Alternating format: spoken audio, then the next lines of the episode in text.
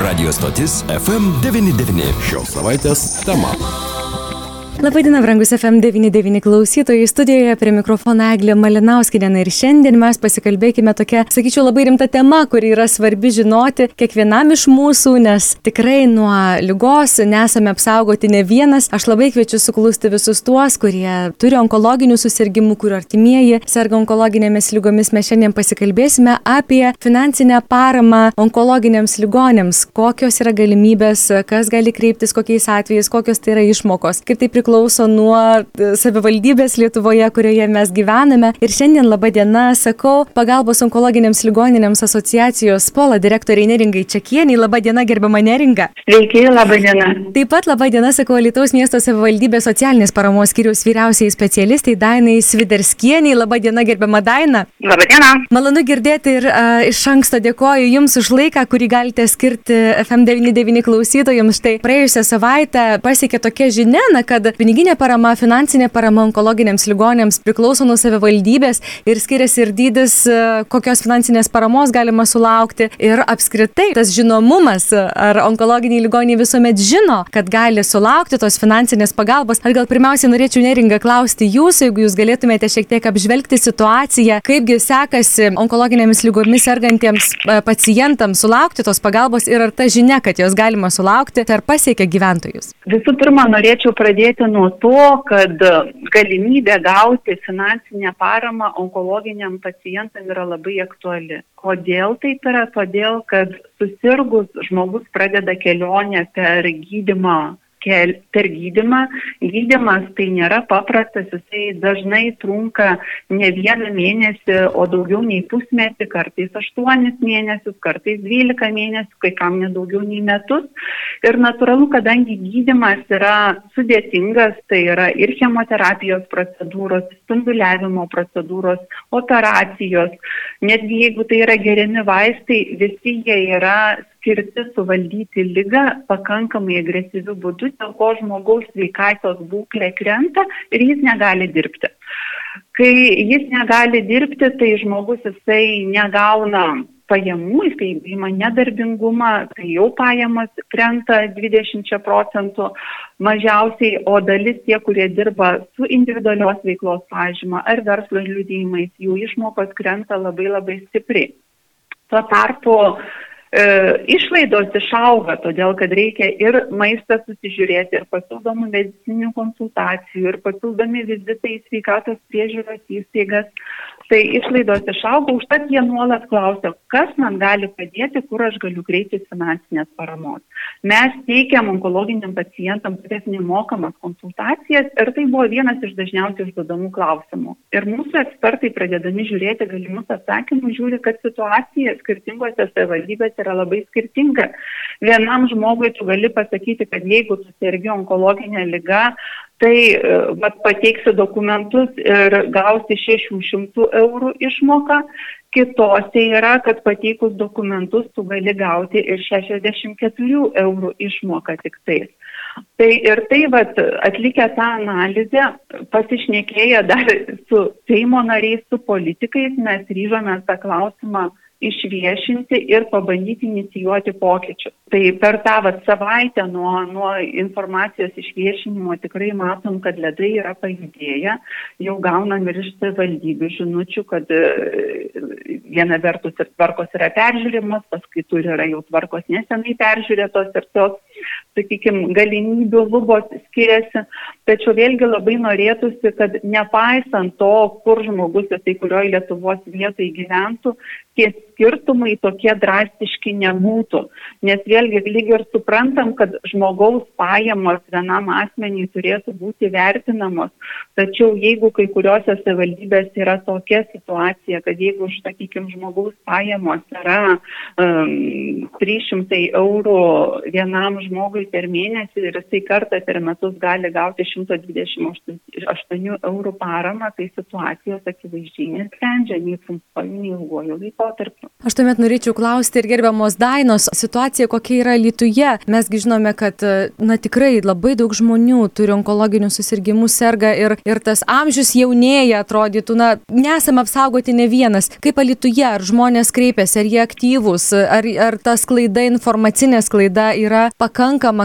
Lietuvoje vienkartinės pašalpos onkologiniams ligonėms skiriamos, kuriems per praėjusius 12 mėnesių, iki kreipimosi mėnesio buvo atlikta operacija, taikytas arba taikomas spindulinis ar cheminis gydymas, na ir be abejo yra skiriant e, pašalpą atsižvelgiama į asmens gaunamas pajamas. E, tai dabar galbūt trumpai apžvelgti galėčiau, kokios yra tos pašalpos dydis maksimaliai, Taip. kokią galima gauti tą pašalpą, aišku, jeigu žmogaus pajamos neviršyje 128 eurų, tai maksimali būtų e, pašalpa 384 eurai. Na ir atitinkamai didėjant asmens gaunamoms pajamoms išmokos suma mažėja. E, jeigu asmens pajamos, sakykime, nuo 128 iki 256 eurų per mėnesį, tai pašalpos dydis jau tada siektų iki 256 eurų. Trečia tokia situacija, kad jeigu 200 pajamos sudaro nuo 256 iki 384 per mėnesį, tai išmoka e, gal, galėtų būti iki 192 eurų. Didėjant, kaip ir sakiau, pajamoms, žmogaus išmoka mažėja. Dabar jeigu pajamos e, per mėnesį 384 ir iki 512, tada išmoka jau galima tik iki 128 eurų. Mažiausia būtų, jeigu jau asmens pajamos per mėnesį viršyje 640 eurų, tai e, pašalpa iki 64 eurų. Mhm, net... Galima tokio dydžio patirti. Nėra didelės iš tiesų išmokų. Nėra mhm. didelės, na, bet suprantat, norėčiau atkreipti dėmesį, kad vis tik tai šitos išmokos yra orientuotos uh, vat tam momentui, kada tikrai žmogui yra sunku ar ne, kada jo sunki materialinė padėtis, bet jos ne, neįsprendžia uh, jokių ilgalaikio pajamų gavimo ar ne, ir, ir tiesiog vat, tam trumpam periodui, kada žmogus atsidūrė toj sunkioj materialiniai padėti, kažkiek, kad palengvinti, padėti ir, ir yra orientuotos šitos vienkartinės pašalpos. Mhm. Tai yra, kaip ir užsiminėte, vienkartinės pašalpos, jos yra susijėtos su pajamomis, kurias gauna žmogus kas mėnesį. O ar yra kažkokia tokia, na, sakykime, pastovesnė pagalba tokiam žmogui, nes ir aš galiu pasakyti, artimoje mano aplinkoje, kuomet susirgo žmogus labai sunkia forma, vėžio ir dirbti negalėjo, jam buvo taikomas gydimas ir liko visiškai tuščias basas, kaip stovi ir, na, tokia vienkartinė išmoka tuo metu jį gerai, bet gydimas tęsiasi ilgai ir buvo pasiūlyta sugrįžti atgal į darbą, bet akivaizdu, kad žmogus dirbti negali. Tuomet jau tiesiog tu lieki tarp žemės ir dangaus ir, ir stovi kaip stovi tame sudėtingame kelyje, tuomet jau reikia ieškoti pagalbos, kas gali, kas paukoja, psichologiniai tie sunkumai ir, ir finansiniai prisideda iš šalies, kad tu tiesiog neturi už ką duonos nusipirkti. Tai tų saugiklių tokių gal ar yra kažkokių daugiau na mūsų mieste, kur galima būtų kreiptis daugiau pagalbos, ar tai tiesiog tas vienkartinis ir viskas? E, šiaip jau, vienkartinė pašalpa yra kartą per metus skiriama. Na, suprantat, jeigu blogėja situacija, ta prasme, žmogaus sveikata blogėja, galima ir antrą kartą kreiptis, e, teikti prašymą, komisija tada apsvarsto, na ir įvertinę situaciją, žiūri, galbūt yra tikslinga ir antrą kartą paskirti bet, na, nedaugiau. E, jeigu yra toks poreikis, sakykime, galbūt įmanoma finansinė pagalba padengiant tam tikras išlaidas, na, kaip ir gerbiama Neringa kalbėjo, kad paprastai tokiem žmonėm padaugėja išlaidų kitose srityse, kur gal anksčiau net ir nereikėdavo, na, pavyzdžiui, kažkokia reabilitacija ar pagalių pavėžėjimo paslaugų, na, na, tiesiog padengti kažkokias išlaidas ar paslaugas. Yra tokia galimybė, ar tai irgi įeina į tą patį vienkartinį? E, suprantate, reabilitacijos e, išlaidoms padengti nėra numatyta finansinė parama būtent šitame teisės akte reglamentuojančiame vienkartinių pašalpų skirimą. Kiek žinom, kad tai teritorinės ligonių kasos ar nereabilitacijos išlaidos apmoka ligonėms, o, o pavėžėjimo taip, kažkokia galimybė yra atgauti pavėžėjimo paslaugą, tai jau dažniausiai yra per, per tvarkoma neįgaliųjų asmenų draugijas ir, ir kreipiasi be abejo ir į mūsų skyrių e, yra tokia galimybė, yra derinama laikas, e, kaip, kada reikia nuvežti, parvežti, čia jau yra paslauga tokia teikiama. Mhm. Na, aš tuomet norėčiau dar neringos gerbiamos klausti. Štai Alituje situacija tokia, na, finansinės išmokos yra tokios. Jūs turite tokią informaciją, kaip visoje Lietuvoje situacija, kaip mūsų miestas atrodo, jeigu mėgintume mūsų miestą savivaldybę lyginti su kitais miestais, ar esame pakankamai tokioje dar padorioje situacijoje ir vis dėlto yra kur pasitemti?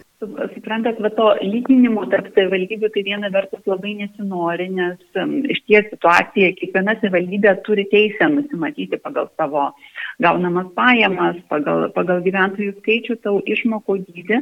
Tačiau mes labai vat, norim ir viešindami tą klausimą, kad vis tik ta tokia geroji patirtis, jinai būtų įvertinta ir galbūt tikrai savivaldybės rastų galimybę situaciją koreguoti, nes kaip ir pristatė kolegė kalbanti, visgi ar net tas susiejimas su asmens pajamom ir labai susijęjant išmokų dydžius, klausimas, ar tai yra labai logiškas sprendimas. Viena vertus lyg ir suprantama, kad kuo pajamos didesnės, tuo suma ar ne yra skiriama mažesnė, bet visgi reikia atsižvelgti, kad čia yra vienkartinės išmokos dydis. Ir tarkim tikrai yra kitose savivaldybėse, tarkim paėmus Ukmergės rajono savivaldybė, yra labai aišku, jeigu žmogui yra diagnozuota onkologinė lyga, jam iš karto yra skiriama 15 šitų bazinių socialinių išmokų dydžių išmoka ne nuo iki, o tai yra 600 eurų. Taip vėlgi yra vertinamos pajamos, žiūrima, yra apibriežta jų atveju suma, kad pajamos vienam asmeniai turi būti nedidesnės negu 384 eurai. Tačiau ar tai jau yra 600 eurų asmeniai, ar ne tuo tarpu, vat, jeigu lyginant tarybos miesto savivaldybę, tai pas jūs, jeigu žmogus vat, gauna tokio ligmens pajamos, tai jau jisai galėtų gauti tik ten 128 eurų išmoką tai matom, kad skirtumai yra labai dideli. E, kažkaip e, tikrai suprantam, kad tie pokyčiai jie labai greiti nebus, tačiau tikrai norėtumėm pakviesti visas savivaldybės diskusijai įsivertinti, kiek tų išmokų yra skiriama, ar iš tikrųjų jos taip labai tą biudžetą paveiktų neigiamą prasme, nes vėlgi matom informaciją, kad kiekvienų metų pabaigoje labai daugelį savivaldybių e, aš sumos skirtos socialiniai paramai nebūna iki galo panaudojamos ir kreipiamasi dėl sumų perskirstimo kitiem poreikiam, tai galbūt tą situaciją jinai būtų galima keisti ir koreguoti. Būtent jūs labai gerą temą palėtėte, nes tikrai lieka tie krepšeliai, kurie lieka neišnaudoti, o žmonėm pagalbos reikia. Na, finansinis biudžetas kaip ir yra, bet jis lieka ir vėliau būna perskirstomas. Tai čia toks labai sunkiai suvokiamas dalykas ir norėčiau gerbiamos Dainos klausti, kaip šioje situacijoje ar tiesiog žmonės nežino, nesikreipia, dėl to lieka tie finansai, ar kame čia problema, kodėl taip yra, ar pas mus galbūt taip nėra savivaldybėje? Besikreipiančių skaičius tikrai nėra mažas, ar ne, aš galėčiau palyginti 2019 metų ir 2020 metų, mhm. Besikreipius, kiek buvo kreipęs asmenų ir, ir kiek buvom paskyrę tų išmokų. Na, 2019 metais dėl vienkartinės pašalpos kreipėsi 204 asmenys paskirta buvo 187 asmenims, iš jų 129 onkologiniai ligoniai, kuriems, kaip ir minėjau, iki kreipimosi per 12 mėnesių buvo atliktos ar tai operacijos, ar tai taikytas, ar taikomas cheminis spindulinis gydymas. Tai ir per metus buvo onkologiniams būtent, būtent ligonėms išmokėta 17 555 eurų. Tai čia 19 metais. Dabar 20 metais dėl vienkartinių, dėl vienkartinės pašalpos kreipėsi 176 asmenys, e, paskirta 140 asmenų, iš jų 108 buvo onkologiniai ligoniai. Ir suma išmokėtų pinigėlių sudarė 13 990 eurų. Žmonės, kurie šiuo metu klauso, kurie galbūt, na, tik išgirdo, kad va, yra tokia galimybė ir iš tiesų yra sunkus laikas, reikia tos pagalbos, kaip jie gali kreiptis, kokiu būdu jie gali sulaukti tos finansinės pagalbos vienkartinės? Na, jie turi kreiptis, aišku, socialinės paramos skyrių, tai pateikti prašymą ir apie atliktus gydymus, apie operacijas ar tiesioginį spindulinį gydymą pažymą iš gydymosi. Įstaigos tai yra įstaigo gydytojo, kas buvo atliktas žmogui. Pateikti mūsų skyriui tai yra įmanoma parašant elektroninį laišką ir, ir prisėdant prie, prie prašymo tuos paminėtus mano dokumentus arba tiesiog paprastą laisvos formos prašymą ir, su atitinkamomis pažymomis atnešti adresu Viltis 28, kadangi įeiti nėra galimybės, tai yra pašto dėžutė prie įėjimo durų ir ją tiesiog palikti prašymus, tada specialistai po to juos apdoroja, apžiūri, susitvarko ir pateikia komisijos vertinimą. Kągi, šiandien Daina dėkosiu Jums už pokalbį, palinkėsiu gražios dienos, labai ačiū ir norėčiau pratesti pokalbį dar su gerbiama neringa. Jeigu mes žvelgtume į visos Lietuvos situaciją, kaip Jūs matote, ar daug žmonių yra, ar auga tas sergamumas, nes, na, kiek man teko domėtis, tai iš tiesų situacija yra liūdna. Sergančių žmonių daug ir pagalbos jiems reikia daug ir tie skirtumai yra labai dideli, tokia jautri tema iš tikrųjų. Kaip Jūs matote tą bendrą situaciją Lietuvoje dabar? Tai iš ties situacija jinai tokia yra kaip pasakyti, stabiliai neigiama, ar ne, nes onkologinių pacientų metai iš metų Lietuvoje susirga 18 tūkstančių, ar ne? Kas tai yra, bet ką tas skaičius ar nereiškia, bet, nes atrodo dideli skaičiai labai sunku juos suvokti. Bet jeigu išdalintumėm tą skaičių į, da, į dienų, metų dienų skaičių, neskaičiuojant šeštadienius ir sekmadienius, tai onkologinė lyga kaip pirmą kartą, kad žmogus susirgo aš onkologinę lygą, išgirsta 50 žmonių kasdien visoje Lietuvoje. Tai skaičiai yra dideli, nes lyga pakeičia ne tik to žmogaus gyvenimą, pakeičia visos šeimos gyvenimą, nes tikrai keičiasi ir galimybė dirbti darbą, ar trumpuoju ir ilguoju laikotarpiu. Mirštamumas nuo šios lygos visgi jisai yra pakankamai dar didelis, Lietuvoje apie trečdalį žmonių nuo, nuo diagnozės išgirdimo miršta per, penkeri, per pirmus penkerius metus. Kodėl taip yra? Todėl, kad lygos pas mus diagnozuojamos dar pakankamai vėlyvoji stadijoje, trečioji, ketvirtoji stadijoje, kur tiek gydimas yra sunkesnis, brangesnis, tiek išgyvenimo galimybės yra mažesnis. O tai yra vėlgi kodėl? Todėl, kad žmonės eina pas gydytojus, kreipiasi tik tada, kai jau jaučiasi labai ir labai blogai. Per praeitus metus situacija vėlgi pablogėjo, nes nors Lietuvoje yra veikia jau daug metų prevencinės vėžio programos, kur tarkim moteris nuo, dėl gimdos kaklelio vėžio gali pasitikrinti labai paprastu būdu, apsilankiusios pas savo gynekologą kartą per trejus metus paimant tokį onkocitologinį tepinėlį tyrimą ir moteris gali pasidaryti nuo 25 metų amžiaus, tačiau daugiau nei pusė atveju Lietuvoje diagnozuojama šitas vėžys trečios ketvirtos stadijos. Mhm. Kas reiškia, kad moteris nekreipia dėmesio savo sveikatai, nes tai yra būtent tas vėžys, kur galima pastebėti iki vėžinius pakitimus ir atlikus paprastą procedūrą žmogus nesusirga vėžiu. Jam pašalinama šitie tokie iki, ma, nedideli mikroskopiniai vėžio ląstelių dariniai išoperuojami ir žmogus nesusirga vėžiu. Tai tą labai svarbu pasakyti, nes dalis žmonių atrodo, aš blogai jaučiuosi, bet dar neįsiu, gal man čia nieko tokio. Taip. Tai geriau nueiti ir pasitikrinti dėl reikalo, ar ne, atlikti tam tikrus tyrimus ir sakyti, jums tikrai niekas tokio, negu kai ateis ir pasakys, kur buvo anksčiau.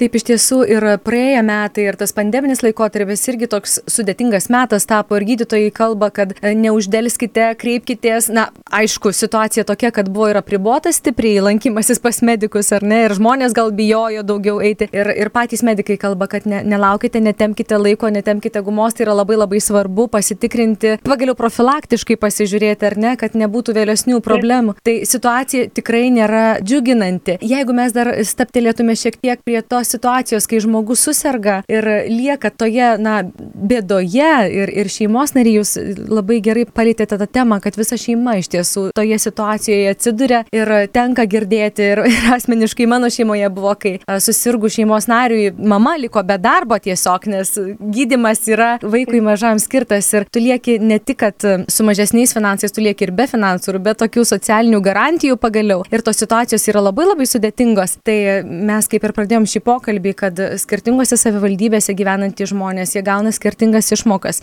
Tai yra tiesiai šviesiai tariant neteisinga. Tikrai, tai yra neteisinga. Žinau, kad jūs darote nemažus žingsnius ir savivaldybės, taip pat savivaldybių taryba e, rinkosi, ar ne? Buvo kažkokia diskusija, gal jūs galėtumėte papasakoti šiek tiek, kaip tuos žingsnius pavyksta ryštą žengti ir Seimo narys Justas Žiugelis taip pat kėlė iniciatyvą ir apie tai taip pat kalba, kad galima atrasti kažkokių tam tikrų bendrų rodiklių, kad na, tos teisybės bent kiek būtų daugiau, bent šiuo atžvilgiu na, visoje Lietuvoje. Iš ties pradėjom, yra kaip savivaldybės tokia būrenti organizacija, kaip mes pola būriam onkologinius pacientus ir jų draugijus. Draugijas kaip Lietuvos savivaldybės būrė Lietuvos savivaldybių asociacija. Taip. Ir pradėjom su jie, su jais diskusiją ir labai tikimės, kad jos, kad jos rengia gairias ir inicijuos diskusijas, nes per diskusijas matom iš ties tos savivaldybės, jom kiekviena, kiekvienai nusistatyta tvarka atrodo logiška. Tačiau visgi tikim tą dialogo dėka, kad parodžius, kad kitose situacijose, ne, savivaldybėse net ir patvirtinus tas platesnės ribas, didesnės galimybės, nustačius mažesnius ribojimus, savivaldybių biudžetai neišsproksta, tačiau žmonės jie gauna geresnės galimybės gauti paramą. Kaip jūs minėjote ir šiandien kalbėjom, kad ta vienkartinė išmoka esmingai gyvenimo visgi nepakeičia, jinai yra tam tikra tokia ekstrinė pagalba. Ir ypač mes kalbam apie tai, bet, kad yra situacija žmonių, kurie nedirba ar ne, ar susirgus lygai, netenka darbo, tačiau yra tokia kebli situacija, kad jie negali kreiptis ir į nedarbingumo neįgalumo nustatymo tarnybą Taip. ir tą gauti tą tokią neįgalumo pensiją. Taip, ne, būtent. Riboto darbingumo. Tai mes vėlgi čia polą kelsim tą iniciatyvą ir vėlgi kalbam su, su Seimo nariais, kad reikia tą situaciją spręsti ir kad būtų galima skirti jiem tokią ar ne ribotą, ribotą nei, laikiną neįgalumo pensiją, nes dabar yra taip, ko gydymo visos galimybės neišnaudotos, tol žmogus negali kreiptis į neįgalumo tarnybą. Nes yra bazinė situacija tokia, kad, nu, gal jūs pasigydysit, pasveiksit ir tada jau nebereikėsim kreiptis į tą neįgalumo tarnybą. Bet bėda yra ta, kad žmogus vakar ne metus gali sirgti ir metus neturėti pajamų ir kaip jam išgyventi šituo laikotarpiu. Tai iš ties žmonėms kyla ir egzistencinių klausimų, ar verta gyventi, yra labai didžiuliai psichologiniai iššūkiai. Tai ką, naudodamasi progą, noriu pasakyti, kad žmonės onkologiniam pacientam mes teikiam tokį ir nemokamą psichologinę pagalbą, dietologų pagalbą, pagalbą nemokamą. Taip pat gali kreiptis pas mus patos konsultacijos, kas jiem priklauso ir kur jiem priklauso. Tai įėjus į mūsų internetinį puslapį pola.lt yra visa informacija, kad jie nebūtų vieni, kad sutelkę jėgas tikrai galim, galim jiem padėti ir, ir sveikti ir surasti tų sprendimų. Nes kai esi vienas ir tu nežinai, tau atlie, iššūkis yra pasveikti ar ne, išgyventi, o kai dar reikia spręsti to tokius egzistencinius, iš ko išgyventi, tėvam klausimus yra be galo sunku. Taip, tikrai. Ir dar vienas klausimas, neringa, kurį norėčiau paliesti, mūsų laikas labai ribotas, bet vis tiek žmonėm trūksta neretam žmogui žinių, kokios pagalbos gali sulaukti. Kalbu ne tik apie finansinę, apie visokiojopą pagalbą. Ir ne tik tam žmogui, bet ir artimiausiam e, šeimos ratui, ar ne, nes pagalba reikalinga visiems tokioje situacijoje. O kaip su žiniomis, pavyzdžiui, kalbant apie gydimą, juk mes esame Europos Sąjungoje ir gydimas, ko gero, yra pasiekiamas kur kas įvairesnis nei, nei žmogus irgi, na, mes pripažįstame pripratę kažkaip, na, jeigu gyvenu ten, sakykime, šiuo atveju Alituje, tai aš kreipiuosi, na, į Alitaus mediką, ar ne? Bet kita vertus, juk yra galimybės daug, daug platesnės. Ar žmonės žino, kad gali keliauti, gydytis, naudotis tomis galimybėmis kur kas plačiau? Iš ties dažnas nežino, ta prasme, jeigu yra girdėjęs apie tokią galimybę, ar ne, kaip realiai tą galimybę pasinaudoti, tai nežino nei žmonės, kurie yra vyresnio amžiaus, nežino nei tie, kurie yra jauni ir su, su šiuo laikiniais išsilavinimais. Tai tą mes ir teikiam, bet kaip pola yra tokie, turim polą, kviečiam visus visų pirma onkologinius pacientus išsimti polą kortelę, kuri išduodama šiuo metu nuotoliniu būdu, niekur eiti nereikia. Vėlgi informacija yra visa mūsų puslapyje pola 4 raidės pola.lt ir mes teikiam pagalbą tiek onkologiniam pacientam, tiek jų artimiesiams. Tai vad kaip susigaudyti, kokiu dokumentu reikia, kur galima gauti tą pagalbą dėl gydimo ar dėl konsultacijų yra pas mus tokia suteikta nemokamų konsultacijų galimybė, ką mes polo kortelės turėtojams suteikėm nemokamai, plus išgyventi, sakykime, su polo kortelė visiems onkologiniam pacientam yra taikoma 80 procentų nuolaida visuomeniniam transportui, nesvarbu, kur važiuosi, Lietuvos ribose, žinoma, ar važiuosi traukiniu, ar miesto susisiekimo, susisiekimo biletą pirksi, tai yra 80 procentų labai ženkli parama. Tai kviečiam tuos nežinančius, kad tokia galimybė yra, jie pasinaudoti jau ir, ir, ir vis tiek tas gyvenimas bus bent šiek tiek lengvesnis, nes žinom, patys visi organizacijai yra arba pacientai, arba pacientų artimieji, visi labai artimai esam pažvelgi į akis šitai lygai ir gyvenimą keičiančiai diagnozijai ir mūsų tikslas, kad nu, išgyventi būtų lengviau. Taip, tikrai. Aš šiandien neringai Jums labai labai dėkosiu už pokalbį ir tikiuosi, kad tai yra ne paskutinis mūsų pokalbis, nes labai yra daug apie ką pakalbėti. Palinkėsiu pačiai išlikti sveikai, būkite sveika, būkite laiminga. Ir ačiū šiandien, kad skiriate mums savo laiko. Dėkoju. Ačiū Jums, būkite sveiki kas senai buvot pas gydytoją, skambinasi į savo polikliniką, užsiregistruoja profilaktiniam pasitikrinimui, nėra geresnio laiko nei dabar. Kalbėjome su pagalbos onkologiniams ligonėms asociacijos Pola direktorė Neringa Čekienė, taip pat prieš tai kalbėjome su Daina Sviderskienė, Lietuvos miesto savivaldybės socialinės paramos skyrius vyriausiai specialiste, taigi nelaukime paskutinės